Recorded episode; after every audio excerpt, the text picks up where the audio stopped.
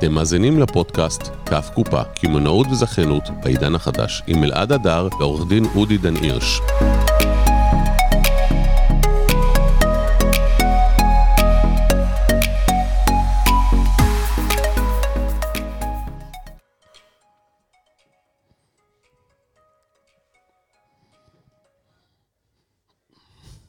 בוקר טוב, בוקר אור. מה העניינים? אנחנו צריכים אה, להחליש את זה רגע, משום מה... הג'ינגל ממשיך ל... כן, לא רק זה, זה. אנחנו גם נמשיך. עוד רגע להתנגן. מה שלומך? יום רביעי בבוקר, כמו כל יום אתה רביעי. אומר אין על מה להתלונן. הנה, בואנה, זה לא רוצה... זה, שנייה.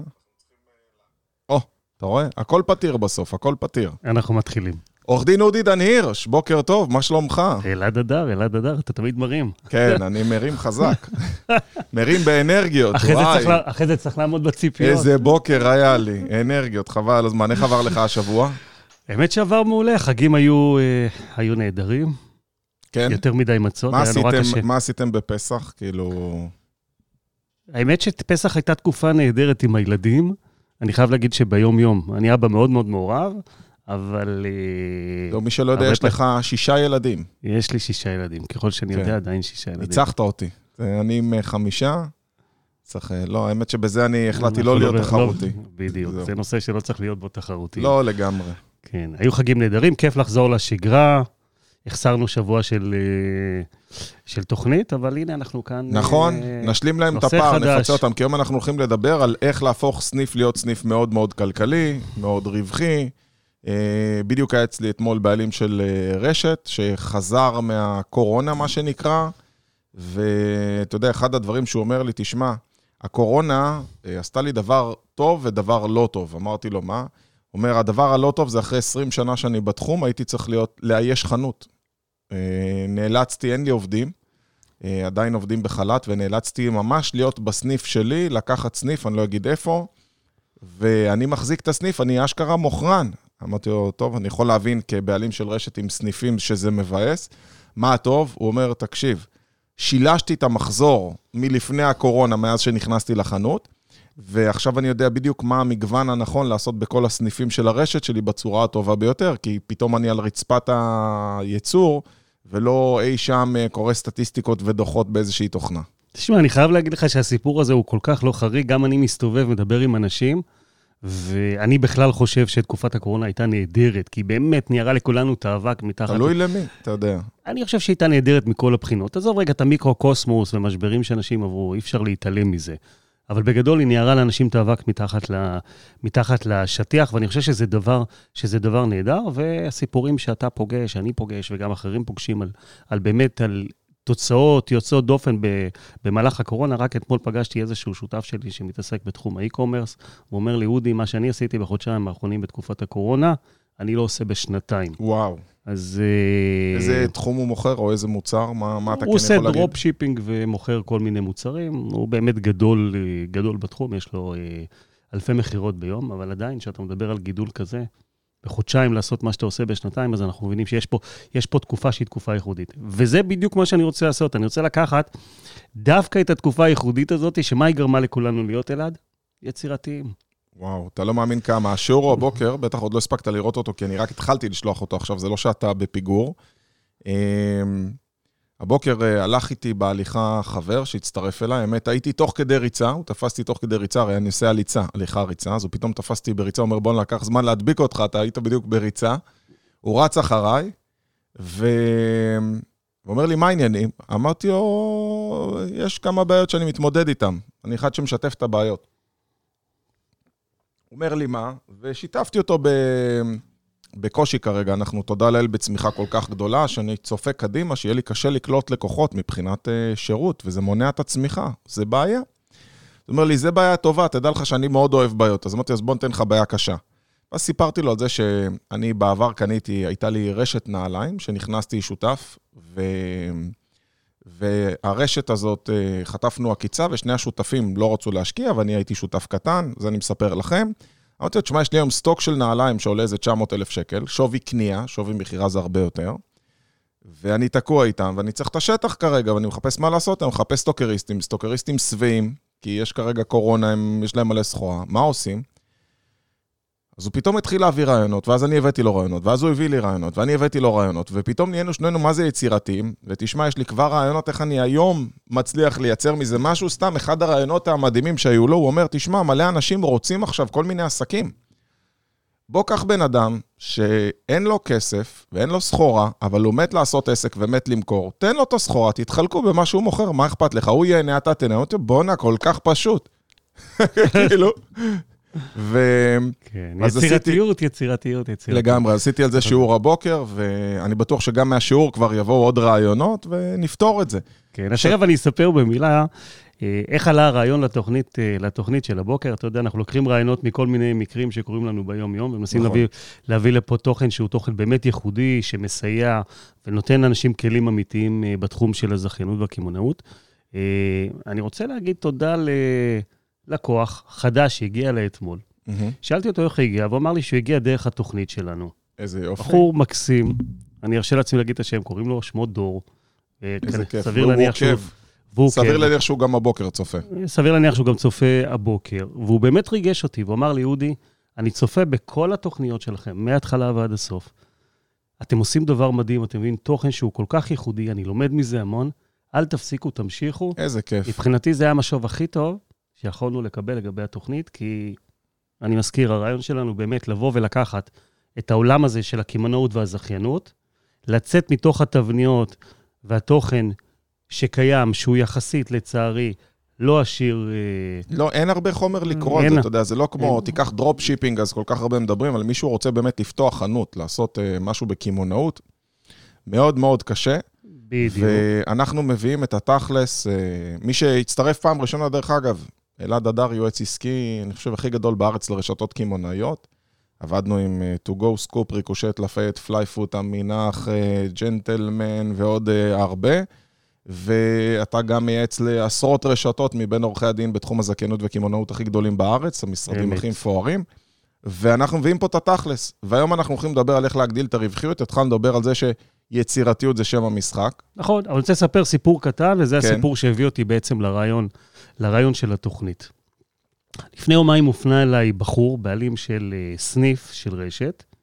לא נזכיר את השם, לא נזכיר את הרשת uh, מטעמי... Uh, פרטיות, מטעמים ברורים, כמובן. ברורים של פרטיות. אבל אני רק אספר שהייתה לי שיחה קסומה עם הבחור. החבור, הבחור מחפש, יש לו סניף, שהוא מנהל אותו משנת 2013.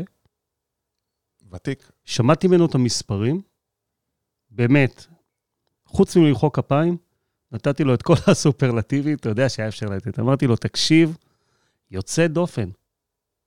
יוצא דופן. באיזה תחום? מה אני יכול לעזור? איגוד, הסעדה, לא, יש, אה, הנהלה? יש לו בית קפה. בית קפה. בית קפה מאחת הרשתות הגדולות. אוקיי. אה, הבחור מחפש שותף תפעולי שינהל את העסק. הוא אומר לי, אודי, תקשיב. התעייף? לא התעייף, אבל הוא אומר לי, תשמע, יש לי שחיקה טבעית, טבעית, אני שבע שנים מנהל את העסק, עשיתי את מה שעשיתי. יש בזה משהו. אני גם רוצה להתקדם בחיים, שזו שאיפה שהיא שאיפה. להתקדם זה לא רק כלכלי. נכון. הוא עושה את אותו דבר שבע שנים, הוא רוצה להתקדם, הוא יודע שהוא יכול להביא, זה חלק מהפתרונות שאנחנו נדבר עליהם היום. הוא רוצה להביא שותף תפעולי, העסקה שלו היא עסקה נהדרת. כי מה בעצם הוא מציע? הוא מציע למישהו שותפות בעסק עובד, כלכלי מאוד. רווחי. רווחי, ואומר לו, בוא תנהל את העסק אה, שאני בניתי. זאת אומרת, הוא מחפש שותף פעיל. הוא מחפש שותף פעיל. למה אני מספר את הסיפור לגבי אותו בחור? כי השיחה שלו, השיחה שלי איתו, הרגשתי שאני מדבר, מי שלא יודע, אני מגיע מעולם הסטארט-אפים, אני מלווה הרבה מאוד סטארט-אפים, אני יזם בעצמי, ובמשך כל הקריירה שלי הייתי עסוק מאוד בתוכניות תגמול לעובדים, איך לוקחים ורותמים עובדים בתוך ארגון, להיות חלק מה, מהחזון. זה אתגר, זה משפט אה, שגור, הרבה מדברים עליו, אבל זה אומנות להביא בסופו של דבר עובדים, להתחבר לחזון ולהיות חלק אה, מארגון. והשיחה שלי עם אותו בחור הייתה שיחה פשוט קסומה. הרגשתי שאני מדבר עם סטארט-אפיסט. לרגע שכחתי שאנחנו מדברים על תחום האוכל, ואמרתי לו, תקשיב, באמת, אני, אני, אני כל כך מעריץ את איך שאתה מדבר ומה שאתה עושה, שהלוואי כולם וכולם היו עובדים כמוך. קודם כל, זה מייצר סניפים הרבה יותר שירותיים והרבה יותר איכותיים. ושתיים, הרבה יותר כלכליים. מה מספר לי הבחור? הבחור מספר לי, לדוגמה, שהשף שלו עובד איתו כבר חמש שנים. שמנהל את המשמרת שלו כבר עובד איתו שבע שנים. לא מובן מאליו בכלל. וכנ"ל לגבי יתר זה אומר הרבה עליו כבן אדם. והוא באמת בן אדם מאוד מהודק, הוא מדבר לעניין, הוא יודע, הוא מכיר את המספרים, הוא מכיר את הביזנס שלו, הוא יודע להגיד את הדברים הנכונים אה, כשזה מבוסס באמת על ידע מאוד מעמיק שהוא צבר בסניף. שאלתי אותו אם היה לו ניסיון קודם. שום ניסיון קודם, למי ששואל את עצמו ואומר, בטח יש פה מישהו שהגיע עם הרבה מאוד ניסיון, אז לא, הוא בנה את כל הניסיון שלו בתוך, בתוך הסניף. שאלתי אם הוא לקח דוגמאות מאחרים, הוא אמר לי שלא. הוא אמר לי, תשמע, כשאני מנהל עובדים, מה שלי חשוב, שאנשים יישארו כאן.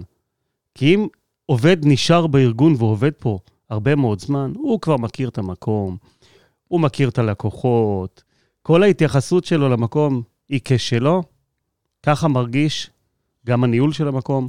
גם שביעות הרצון של הלקוחות וגם התוצאות העסקיות בסופו של דבר. אה, ועל זה אנחנו בעצם עושים אה, את התוכנית, כי אין שום הבדל. עסק זה עסק זה עסק, וכוח אדם, תוכניות תמריץ, וכל הפעולות האחרות שאנחנו יכולים לעשות בחברות שהן חברות טכנולוגיות או חברות בתחומים אחרים, אפשר ליישם אותן גם בעסק בתחום הקמעונאי. אם אני פותח בית קפה, או שאני פותח אה, עסק קמעונאי אחר, כשאני קם בבוקר, אני צריך להבין שאני פתחתי עסק. ומכאן... אני חושב שיש נקודה שנגעת בה שאני רוצה למרקר אותה. לצערי הרב, הרבה עסקים, במיוחד בתחום, ה, אה, נקרא לזה הסעדה, בתי קפה ומסעדות, התייחסו לכוח אדם ככוח אדם אה, מתחלף מאוד מהיר. משרות סטודנטים, וזה די אה, נהיה ככה, אני גם מכיר רשת הנהלה שטיפלתי בה, ואמרתי, תשמע, הגורם מספר אחד לירידה במכירות שלך, זה כוח אדם לא מכירתי, שהוא לא, לא עבר הכשרות. בעצם הלמה האמיתי זה שכוח אדם לא עובר הכשרות. עכשיו, תבין את ההידרדרות. שיטת השכר היא בסיס מאוד נמוך ובונוסים. הסיבה שהם לא מגיעים לבונוסים זה כי רק הוותיקים מגיעים לבונוסים, החדשים לא מגיעים לבונוסים. אז שאלתי אותם, למה אתם לא מגיעים? הוא אומר, שמע, אף אחד לא מדריך אותנו, ונהפוך הוא, שיטת הבונוסים היא כזו שמנהל החנות גונב מאיתנו את המכירות. כי יש לו אינטרס להרוויח את הבונוסים, הוא לא מרוויח עלינו, הוא מרוויח ממה שהוא מוכר. אז יש קניבליזם. ושאלתי את בעל הרשת, אומר, למה אתה לא מכשיר אותם? מה הוא עונה לי? הוא אומר לי, לא שווה להכשיר אותם, כי אחרי שלושה, ארבעה חודשים הם גם ככה עוזבים, אז אין לי טעם להשקיע בהם הכשרה. מה שהסברתי לו זה שהם עוזבים כי הם לא עושים את השכר שהם רוצים, ובקניון יש תופעה כזאת שכולם יוצאים לעשן סיגריה ביחד באותה מרפסת, אז הוא אומר, אצלנו בחנות מחפשים uh, מוכרן. כמה אתה מרוויח? 36 שקלים? אחי, אני מסדר לך להתחיל מ-37 שקלים. והוא אשכרה עוזב באותו קניון לחנות ממול, תמורת שקל יותר, כי הוא לא מגיע לבונוסים, כי הבוס שלו לא טורח להשקיע בו הכשרה. כן, אז אני רוצה להרשות לעצמי לרגע לעצור אותך ולגעת בנקודה וננפץ פה איזשהו מיתוס למי שלא יודע. מחקרים מראים שכסף הוא לא המניע המרכזי של אנשים להישאר בארגון. חד משמעי. חברים, כסף זה לא המניע המרכזי. כשאני הולך לעבוד בעסק קמעונאי, אני לא מצפה להרוויח כאן עכשיו עשרות אלפי שקלים בחודש. אם אני שכיר, זה לא מה שאני ארוויח. Mm-hmm. מצד שני, אני גם לא יכול להסתכל על העסק הקמעונאי שלי ולהגיד, העובדים שלי הם עובדים זמניים, כי הנה הוא אחרי צבא ועכשיו הוא בא וזו עבודה זמנית. אם אני מתייחס לזה ככה, זה wishful thinking, זה מה שיקרה בפועל, וכנראה שכל התוכניות שלי גם לא מיישמות לא מיישמות אסטרטגיית ארוכת טווח, לאיך אני רותם את האנשים ל, אה, באמת לדבקות במקום העבודה, ו, אה, ונגענו בזה קודם. מה שמניע אנשים, ואת זה אנחנו נספר את הסוד, מה שמניע אנשים להישאר בארגון ובכל מקום לעשות פעולה בחיים ולהתחבר, זה חזון. כשאני מחובר לחזון של עסק, ואני מחובר לבעלים ולחזון שהוא מוביל, ובמיוחד אם הוא רואה אותי חלק ולא רואה אותי עובד, הוא רואה אותי חלק מקבוצה. וגם אם החזון הוא חזון קטן, זה לא משנה. יש לי חזון כרגע לגעת באנשים שמגיעים אליי ואני, אה, ולהכיל אותם, ולגרום להם לחוויה, לצריבה של בוקר, לחוויה טובה כשהם מתחילים את היום, וזה החזון של הסניף. והחזון הזה, אנחנו אומרים אותו, מדברים עליו, ורואים שכולם רתומים, ואז גוזרים את כל הפעולות לאיך מתנהלים בתוך הסניף, בשביל ליישם את אותה חוויה ייחודית שאני רוצה לייצר בסניף הזה. בן אדם קם בבוקר, הולך לבית קפה, הוא כנראה מפתח את ההרגל הזה, אלא אם כן הוא עבר במקרה באזור, אני קם, אני עובר באותם בתי קפה בבוקר. למה אני עובר בבית קפה אחד ולא בבית קפה אחר? בגלל שהקפה הוא הכי טעים? בגלל שהוא יותר זול בשקל? לא. אני עובר כי נעים לי להיכנס, כי אומרים לי בוקר טוב, כי מכירים אותי, כי יודעים כבר לשים לי את הבייגל שאני רוצה עם אתונה בתוך, ה, בתוך, ה, אה, בתוך התנור. צריכה היא צריכה פרסונלית, ושירות, כשאנחנו יודעים לבוא וליישם ול, ו, ולתת אותו מתוך מקום של חזון, זה מורגש. אז אני אחזק את מה שאתה אומר. אני בדיוק, אתה יודע, זה מדהים איך כל פעם... לא זה... שכסף, אגב, לא חשוב, כסף לא, הוא חשוב. חשוב. אנחנו- אבל אני רוצה רק לתת את הצד של הלקוח. אני בדיוק אה, מאזין כרגע לספר, זה תמיד אה, נשמע מוזר, מאזין לספר שנקרא The Membership Economy, שכתב אותו רובי קלמן, ובעצם שם הוא מדבר על זה שהוא אומר, אתה צריך ליצור לקוחות, שהלקוחות שלך, הם מרגישים שהם ב membership club ולא לקוחות. זאת אומרת שהם הצטרפו למועדון חברים. אני אתן לך דוגמה, אתה... יש לך נטפליקס בבית? כן. אתה צופה? אתה מכיר את השיחה הזאת, את סגנון השיחה של איזה סדרה אתה צופה עכשיו, מה אתה ממליץ, מה גמרת לראות. הבן שלי בא, נושא שיחה שלי עם הבן שלי, אומר, אבא, בדיוק סיימתי לראות את, אה, לא זוכר מה, שדר, אני אומר לו, תקשיב, תתחיל לראות Snowpiercer, אני מאוד אוהב, ממש טוב, ואנחנו שנינו במועדון ה membership, החברים של נטפליקס, זה נושא שיחה. זה כמו יש את האייפוניסטים, שהם תמיד מדברים על מה יצא חדש באייפון, ומישהו המליץ לי אתמול על אה, אוזניות אה, עצם, לא יודע אם שמעת על זה. זה טרנד חדש של אוזניות שיצא? בשנים האחרונות. אה, מסתבר שבטהובן או באך, אני לא זוכר מי, היה קצת חירש, והוא אה, ביסס טכנולוגיה שהוא אומר שאפשר לשמוע מוזיקה לא דרך האוזן, אלא דרך העצמות של הלסת. ופיתחו. את הטכנולוגיה הזאת, וזה קיים, יש שם אוזניות עצם, שאתה פשוט מניח אותן על האוזן, והוא דרך העצם של הגולגולת משדר מוזיקה באיכות יותר טובה, מה שאתה מסוגל לשמוע דרך האוזן עצמה. וואו. והוא שלח לי קישור, אני הולך לבדוק את זה, אני מאוד אה, אוהב לשמוע מוזיקה וספרים. ונגיד והייתי הולך לדבר הזה, אם הייתי רואה מישהו שיש לו את אותם אוזניות, אז שנינו במועדון הזה, שנינו אוהבים את זה, שנינו היינו רוכשים עוד מוצרים של החברה הזאת, או מאמינים. ואותו בית קפה, מה הוא יצר? כשאני רואה אותך בבוקר ואני יודע איזה קפה אתה אוהב, אני רק שולח לך את ההודעה. למה אנחנו הולכים רחוק? יש לי פה את אבי מהפיצוצייה בפינה, שהוא גם מכין ארוחות בוקר. אבי ואני, יש לנו מערכת יחסים כל כך טובה, שזה כמעט כמו עם אשתי. אני שולח לו אייקון אחד, שזה צלחת, מזלג וסכין, אייקון בוואטסאפ, והוא יודע להכין לי ארוחת בוקר, ויש לו שלושה או ארבעה סוגים בתפריט שהוא יודע של ארוחת בוקר, וזכותו לגוון איך שהוא רוצה. הוא יודע לעשות לי פעם חביתה עם בצל, ופעם חביתה עם נקניק, ופעם חביתה עם בולגרית. כל פעם הוא עושה לי משהו אחר, מקסים. ואני מקבל שקית מוכנה עם אוכל. זאת אומרת, אני באיזשהו מועדון. אם אתם רוצים ליצור באמת מקום רווחי, הלקוחות שלכם צריכים להיות שותפים בחוויית קנייה. ואם אתם רוצים שלאנשים יהיה, תהיה חוויית קנייה אצלכם, והם לא יסתכלו עליכם כעל ספקים, ולא תסתכלו עליהם כעל לקוחות, אתם צריכים לייצר קשר אישי הרבה יותר טוב. זה יכול להיות השם של הבן אדם, זה יכול להיות משהו רגיל לקנות ממך, זה יכול להיות היחס המיוחד שאתה מסתכל עליו, זה יכול להיות זה שאתה לוקח ממנו את השקיות, זה שאתה נותן לו את הקפה, זה שאתה זוכר איזה קפה, ומספרים על, אה, על ספר מסוים בתל אביב, שהוא היה מהראשונים לרשום, עוד לפני שהיה מחשבים, היה לו כרטיסיות, ובכל כרטיסייה הוא לא רק היה רושם את שם הלקוחה, הוא בשם הלקוחה היה כותב איזה קפה היא אוהבת לשתות ואיך. ובכל פעם שלקוחה הייתה נכנסת, אז הוא היה יודע שהיא מגיעה, לפני זה הוא היה מוציא את הכרטיסייה שלה, והוא היה יודע שהיא אוהבת הפוך, עם סויה, עם שני סוכר. הוא מסתכל עליה, היי, שירלי, בוקר טוב. והיא לא הייתה כבר חודש, הוא אומר לה, הפוך, שני סוכר עם סויה, נכון? כמה הדבר הזה חזק, כמה הדבר הזה. כשאני, ו-. כשאני נכנס לתוך בית קפה, אני לוקח את הדבר הזה, והמוכר יודע מה אני שותה. כמה הדבר הזה הוא חזק, כמה מדהים. כמה הוא חזק. פשטות. אני לא מחליף את הדבר הזה בשום דבר כמה אחר. פשטות וכמה זה חזק. ותבין שהכיף שלי עם אבי, שיש בינינו מערכת יחסים סימביוטית, שאני נהנה לצרוך ממנו את המוצר, מזה שהוא יודע מה אני אוהב. ואם אתם תדעו ליצור חוויה כזאת אצלכם, והלקוחות שלכם ירגישו את זה, והעובדים שלכם יתייחסו ככה ללקוחות שלכם, זה הסיבה, דרך אגב, אתה יודע, אנשים, יש לי רשת קמעונאית שאני אה, טיפלתי בה ארבע שנים, וכל המוכרות שם מוכרות בין 60 ל-80 אלף שקל בחודש, ויש שם מוכרת אחת שמוכרת ב-250 אלף שקל בחודש. והיא מוכרת פשוט ותיקה, שהלקוחות מחפשות אותה ומגיעות. אם היא באותה משמרת לא עובדת, היא הולכת מהחנות. היא אומרת, מתי היא נמצאת? אז היא אומרת, היא לא נמצאת היום, מתי היא תהיה? היא חוזרת מחו"ל עוד שבוע, אני אבוא לקנות עוד שבוע. לא, בואי, אני אראה לך. אותה סחורה, לא, לא, אני קונה ממנה. אתה מכיר את זה?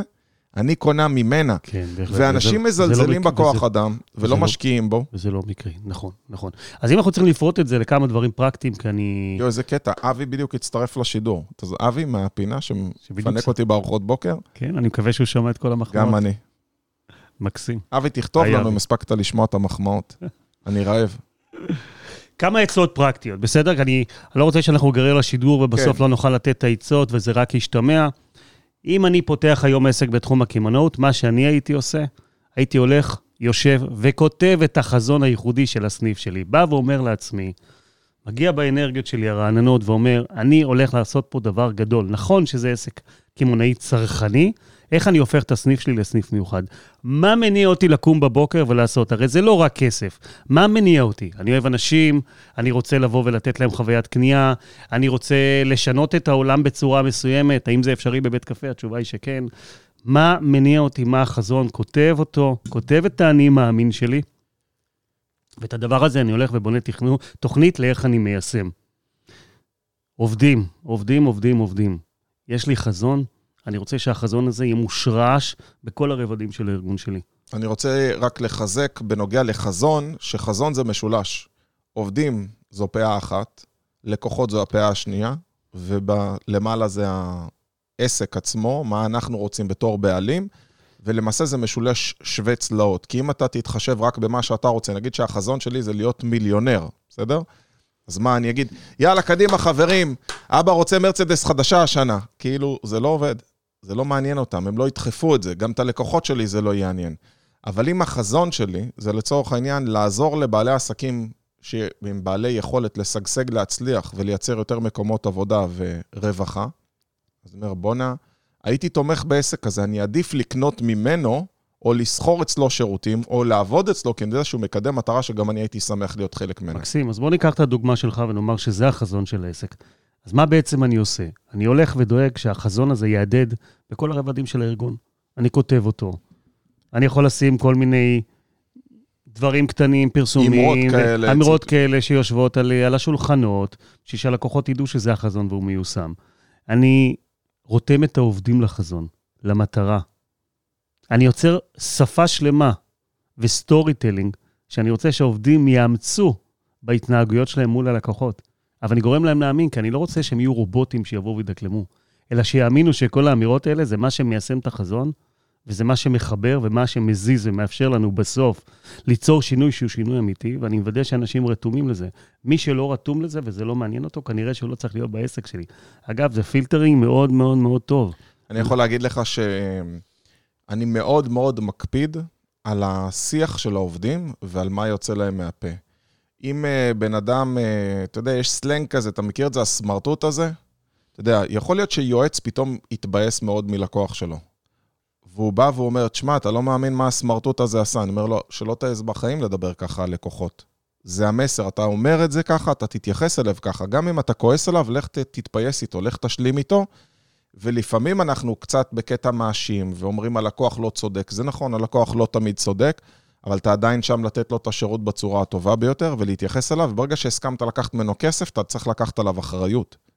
תן לו את האחריות המלאה, ואני מקפיד מאוד איך מדברים המנהלים, ואיך מדברים העובדים, ואיך הם מדברים אחד לשני, כי כמו שילדים מושפעים מאיך שהאבא מדבר לאימא, או מאיך שהאימא מתייחסת לאבא, ככה ילדים יתייחסו לאימא או לאבא. תראה, קודם כל הם רואים דוגמה בבית. אבל אם אני הולך רגע. ונרצה לתת טיפ שהוא טיפ פרקטי, יש איזשהו כלל שאני אימצתי לעצמי הרבה שנים, אני העסקתי הרבה מאוד עובדים אה, בחיים שלי בכל מיני סוגי עסקים. יש כלל שאימצתי, ודווקא למדתי אותו בזמנו מאלון, אה, מאלון גל. קצת עבדנו ביחד, ואימצתי את זה מאלון גל. איך אני בוחר עובד שמגיע אליי לרעיון עבודה? שים מעגל של עובדים. מי אני הייתי בוחר? הייתי לוקח את מי שהייתי רואה את הברק בעיניים, וכשהוא היה רואה אותי, הוא היה אומר, זאת ההזדמנות שלי, אני רוצה להיות פה. זה שלי. הוא היה אומר, זה שלי, זאת ההזדמנות של החיים שלי, אני רוצה. גם אם הוא פחות מקצועי מאחרים. אותו אני- אחד שיושב, בוחן אותך, אומר לך, כן, לא, יש לי אלטרנטיבות, וכל היום שם אותך במקום של מבחן. אני תמיד מעדיף לא. לקחת יהלום גולמי, אני מעדיף למצוא את העובד שהוא פחות מנוסה, יותר רעב, יותר עם ברק בעיניים, כמו שאתה אומר, יהלום שאתה צריך לשייף אותו. ואני רוצה להתייחס לעוד משהו בנוגע לעובדים. יש שחיקה מסוימת. קורה מצב שעובד, הוא כבר לא נעים ללקוחות כי הוא נשחק. כמו שאותו בעל עסק נשחק, יכול להיות שיש לי את אותה עובדת שהיא רגילה לבוא, אבל אם פעם העסק הזה היה היצירה שלה, היום כבר אין לקוח, וזה פוגע לכם בהכנסות, וזה פוגע לכם ברווחיות כי הפנים של העסק שלכם. ואני תמיד אומר שאם יש לכם התלבטות לגבי עובד, אני אגיד לך מה המבחן המאוד פשוט. נגיד שאתה מעסיק איזה פקידה מלא מלא זמן, בסדר?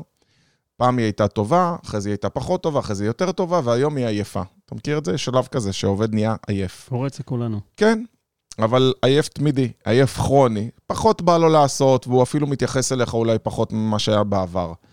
המדד הוא מאוד פשוט כשבעל עסק מתלבט. אני אומר, בהנחה ואתה מכיר את העובד איכשהו כרגע, והוא לא היה עובד אצלך, האם היום היית מקבל אותו לעבודה? ממה שאתה מכיר אותו עכשיו. האם היום היית מקבל אותו לעבודה? אומר לך, לא, אז אתה צריך לפטר אותו. זה שיש לכם משקעים, וזה שיש לכם עבר, וזה שיש לכם היסטוריה, אם אותו עובד הפסיק לייצר את מה שהוא רוצה, ואתה אומר, בהנחה ואני יודע מה התפוקה שלו, ובהנחה ואני רואה את המצב רוח שלו והיחס שלו לעובדים, ככה לא הייתי מגייס אותו לעבודה, אז אל תשאיר אותו. כי הוא מייצר חור מוסווה, הוא מייצר משהו שהוא עושה לך נזק. היה לי פעם אה, לקוח שהוא, דרך אגב, לקוח שלי עד היום, זה לקוח שהוא אצלנו משנת 2008. הוא כבר פעם שלישית חזר אלינו לייעוץ. התחלנו בתור משרד רואי חשבון קטן, היום הוא עשרות עובדים, ואני לא אשכח את זה, הייתה לו אה, מזכירה, שישבנו אצלו בחדר, רצינו קפה, אז הוא אומר, בוא נקום להכין. אני אומר, חבל על הזמן שלנו, יש לנו מלא דברים, תבקש רגע מהמזכירה, ריקי, שתכין לנו. אז הוא אומר לי, לא, לא, השתגעת, אני מת מפחד לבקש ממנו. אמרתי, די, נו, אתה צוחק. הוא אומר, לא, נראה לך? פעם באה שבאתי, התקשרתי אליה לבקש חנייה, היא ממש מפחידה. אז אמרתי, תקשיב, מה אתה שם את הרוטוויילר הזה בכניסה? זה מפחיד אנשים. הוא אומר, תשמע, היא מקרה מאוד קשה, היא אה, רווקה, בת 56, ואם אני אפטר אותה, אף אחד לא ייקח אותה, ואני מחזיק אותה פה כי היא עבדה איתי הרבה שנים, אבל היא כזאת ממורמרת וזה. אז אמרתי, תקשיב, אין בעיה בכלל. בוא נמצא לה תפקיד שהיא תהיה שמחה איתו, אבל לא בפרונט של העסק שלך. יש לך עסק גדול, כבר באים הרבה אנשים, היא כבר לא המזכירה שפעם הייתה עוזרת לכם עם התיוקים. היום זה יותר לכוון אנשים, להגיש להם, לארח אותם. כן. ועשינו לה את הטובה הגדולה ביותר, וגם לעסק, שמנו אותה בארכיון. היא לא אהבה אנשים מלכתחילה, אתה לא יודע איזה כיף זה. היא פתאום לא צריכה לדבר עם אף אחד ולא להיות נחמדה לאף אחד. מצאנו לה את התעסוקה שלה, לא שחררנו אותה, והיא עבדה שם עד היום. הייתה אפילו פרודוקטיבית יותר, אני מניח. כן, ברור. זה עדיף לה. כן. זה נורא נורא חשוב לקחת עובדים, לשים אותם במשבצת הנכונה ולייצר פיל, פילטרינג נכון. אני אומר, כש... אני לא אומר לא, שלא צריך לבוא ולעשות מאמץ עם עובד, שאנחנו רואים שיש לו איזושהי עייפות, או שהוא לא בדיוק מה שחיפשנו, אבל אני אומר גם את המשפט הבא, כשיש ספק, אז אין ספק. ואם אני רוצה לייצר סניף מצוין, אז אני צריך לזכור כמה דברים. קודם כל, אני לא יכול להיות מנהל שהוא מנהל, אני יכול להיות מנהל קשוח, זה לא אומר ש... ולדרוש מעצמי ולדרוש מהעסק, אבל אני לא יכול להיות רודן בתוך העסק. אני צריך להפוך להיות מנהיג ולגרום לעובדים שלי לרצות להתחבר לחזון, אמרנו, ולמה שאני עושה ולצורת הניהול שלי. אנחנו חיים ביחד, קמים כל בוקר ל... משימה, יש גבולות, יש היררכיות, זה בסדר גמור, יש ציפייה, אנשים צריכים לעמוד בציפייה, אנחנו בסוף באים לעבוד. אבל כן הייתי לוקח ובונה ארגון שהוא ערכי. הייתי שם מטרות, הייתי אומר, אם אני סניף בתוך רשת, בואו השנה נהפוך את הסניף הזה לסניף מספר אחד של הרשת. האם זאת מטרה? זה לא החזון, אבל האם זה זאת... זה מטרה, זה משחק. האם, האם זו מטרה? משחק. והייתי יושב עם העובדים ובונה תוכנית לאיך אנחנו, יושב עם העובדים, בונה תוכנית לאיך אנחנו הופכים את הסניף לסניף מספר אחת של הרשת. מתקשר את זה גם uh, לרשת. זה מחזק לי את מערכת היחסים עם הבעלים של הרשת, זה הופך אותי לזכיין שהוא זכיין יצירתי, רציני, מבין את המשימה, אהוד על ידי הרשת, ואני מיישם את זה. אני הולך ובונה תוכניות תגמול לעובדים, ואני משתף אותם גם בעשייה, גם בתוכנית, אבל גם בתוצאות. אם אני עכשיו יצרתי עוגה יותר גדולה בזכות זה, זה בסדר גמור לבוא ולהגיד, חברים, שנה שעברה עשינו מחזור של חמישה מיליון שקל בסניף, בואו נביא את המחזור לשישה מיליון שקל. אם הגענו לשישה מיליון שקל, לכולכם, לכולכם יש בונוס שהוא בונוס... אה, אה, משכורת 13 אה, כזאת. משכורת 13, ואפשר גם לייצר כאן אה, בונוסים שהם בונוסים פרסונליים. מי שירצה כמובן להרחיב ולהתייעץ, זה לא המקום, אבל אנחנו נשמח גם אה, לעזור לאיך מייצרים תוכניות תגמול בעסקים כאלו. יש שיטות, יש אה, דרכים, אבל רתמתי את כולם, הבאתי אותם. אנשים לא יעזבו באמצע שנה, הם רוצים להגיע לסוף שנה. הם רואים שמתקרבים ליעד, הם רואים שאנחנו חלק ממשהו שקורה, מתהווה, מתגבש. אנחנו רואים בפועל איך זה משפיע, איך הלקוחות פתאום יותר מרוצים. אימצנו שיטה חדשה, שבסוף מושרשת והופכת להיות חלק מההרגלים הארגוניים שלנו. הדבר הזה הוא מעורר, הדבר הזה הוא גורם ליצירתיות יתר, מאפשר לנו לייצר תוכניות נוספות, ארוכות טווח. אני אומר, כל בעל עסק צריך לעשות את זה תמיד. כל שנה אני מייצר תוכנית חדשה. אני לא קם בבוקר על אוטומט ועובד. אני קם, מגיע לסוף שנה לקראת שנה חדשה, אני אומר, מה השנה אני עושה אחרת? מה התוכנית שלי? אמרנו שיש חזון, בואו נייצר עכשיו תוכניות מטרות, ותוכניות, נפרוט את זה לפעולות, לאיך אנחנו משיגים את המטרות. בלי תוכנית פעולות אי אפשר להשיג מטרה, מטרה לא מתממשת. בלי לרתום את העובדים גם לא תוכל להשיג את זה. העובדים הם חלק מהכלים להשגת, להשגת המטרה. אז אנחנו היום דיברנו, אפשר להרחיב על זה עוד הרבה, אבל בואו נעשה סיכום. דיברנו קודם כל על uh, לגרום ללקוחות שלך להרגיש שהם חלק מקהילה מסוימת, להכיר מה הם רוצים, לייצר חזון, למצוא עובדים מרוצים ולשמר את אותם עובדים מרוצים, לכתוב תוכנית יעדים שנתית ולעשות משחקים, כדי שלכולם יהיה כיף לנצח את אותו משחק, ובהתאם לזה לעשות שיטת תגמול שתתמרץ את כולם לשחק את המשחק איתך. ואני בטוח שאם תיקחו את העקרונות האלה, אתם תצליחו לעשות עסקים הרבה יותר טובים, לכם יהיה הרבה יותר כיף לבוא לעסק, לעובדים שלכם יהיה הרבה יותר כיף לבוא לעסק, ובסוף זה יבוא לידי ביטוי בגדילה בהכנסות ובגדילה ברווחיות, כי רוב ההוצאות בעסק, או הרבה מההוצאות בעסק, זה לא חייב להיות המרכיב העיקרי, הן קבועות. אותה מסעדה, השכירות זו אותה שכירות, הארנונה זו אותה ארנונה, אבל אם אתה מגדיל את ההכנסה פר מטר, הרווחיות עולה פי כמה. כן, אנחנו ניתן פה עוד טיפ אחד קטן, אה, אם אתה מסכם, והכוונה שאנחנו כבר מסיימים, ואני כל פעם לא מאמין כמה מהר עובר, כמה עובר. מהר עובר הזמן, צריך לחשוב פה על עוד איזה פורמט ואיך אנחנו, אנחנו קצת מעמיקים. אפשר לעשות מרתון של 24 שעות כזה. אם יהיו מספיק צופים ונוכל אה, להרים את זה, אני, אני ארתם, יש באמת הרבה על מה לדבר. טיפ אחד חשוב נוסף, יש לי בית קפה. הבית קפה עובד, אני פותח כל בוקר, מייצר מחזור הכנסות של 300,000 שקל בחודש. עושה מאמצים, יצרתי חזון, העליתי ל-350-400 אלף שקל בחודש. האם אני עוצר שם? הסתיימה היצירתיות? ממש לא. בוא אני אשאל שאלה. אגב, זה יורד גם לשורשי ההסכם, אבל נשאיר את זה רגע בצד, האם ההסכם מאפשר לי או לא מאפשר לי. האם אני יכול בבית הקפה שלי לעשות אירועים? האם אני יכול אחרי שעות הפעילות לבוא ולייצר אירוע קטן, נכון? מגשיות, לארח, לייצר אירוע של 30-40 איש? אתה יכול יותר מזה, אתה יכול להוסיף merchandise שאתה רוצה למכור בסניף. אתה יכול להוסיף שירותי משלוחים של קייטרינג, אה, שאתה רוצה להוציא החוצה, או משלוחים בכלל. אה, יש אין ספור רעיונות מה אתה יכול לעשות. מעולה, ויכול להיות... למכור רטבים, נכון? בית הפנקק זה לקוח שלך, והוא היום מוכר אה, רטבים, את הרטבים של בית הפנקק. רטבים, מוכר את זה הביתה, מלמד איך עושים פנקקים. בית הפנקינג זה דוגמה באמת ליצירתיות. אני, אין יום שאני קם ולא מופתע בעצמי, למרות שאני מלווה אותו. שרון עושה עבודה שרון מדהימה. שרון עושה עבודה מדהימה. אני כל פעם אומר, איך הבחור הזה קם עם, ה, עם הרעיונות החדשים האלה, ואיך הוא משנה את כל התפיסה לגבי, לגבי הפנקייק. בסוף זה משפיע כמובן גם על המכירות בסניפים. זה מחזק את המותג, זה מחזק את המודעות אה, אה, של אכילת אה, פנקייק. אה, אז כן, אין סוף ליצירתיות. וצריך לזכור שאם קמתי וניהלתי בית קפה, או קניתי בית קפה, יש הרבה מה לעשות בשביל להעלות את ההכנסות. אה, את ההכנסות. יש כל עושה... הזמן, אני חושב שזה מוגבל רק ברמת ההשראה של הבן אדם, ואתה יודע מה, זה בדיוק כמו השיעור שהעברתי היום. אה, אם אתם רוצים לקבל עוד רעיונות, שתפו מישהו. אני שיתפתי בבעיות שלי, בדיוק היום אמרתי שאם אתם רוצים לפתור בעיות, שתפו אנשים אחרים בבעיות שלכם. ואם אתם עדיין לא רשומים לשיעור היומי, אז אתם מוזמנים להירשם, תכתבו לי פה, או תשלחו אה, הודעת וואטסאפ ל-0522-659-651, אני אחזור על המספר, 0522-659-651, ותוכלו גם לקבל שיעור יומי. מומלץ אה, מאוד. תודה. אלעד, נעמת לי מאוד היום. בכיף, ואנחנו אני... ניפגש איתה מתי? יום רביעי הבא, באותה שעה, שמונה בבוקר. כל יום רביעי, שמונה בבוקר, ואתם יכולים לגלול אחורה בספוטיפיי או בסאונד קלאוד, אם תחפשו קו קופה, קמעונאות וזכיינות בעידן החדש, או פשוט תסתכלו אחורה בפייסבוק שלנו, אז תמצאו עוד ועוד שידורים, כי אנחנו לא סופרים את התוכניות, אבל uh, עשינו כבר לא מעט.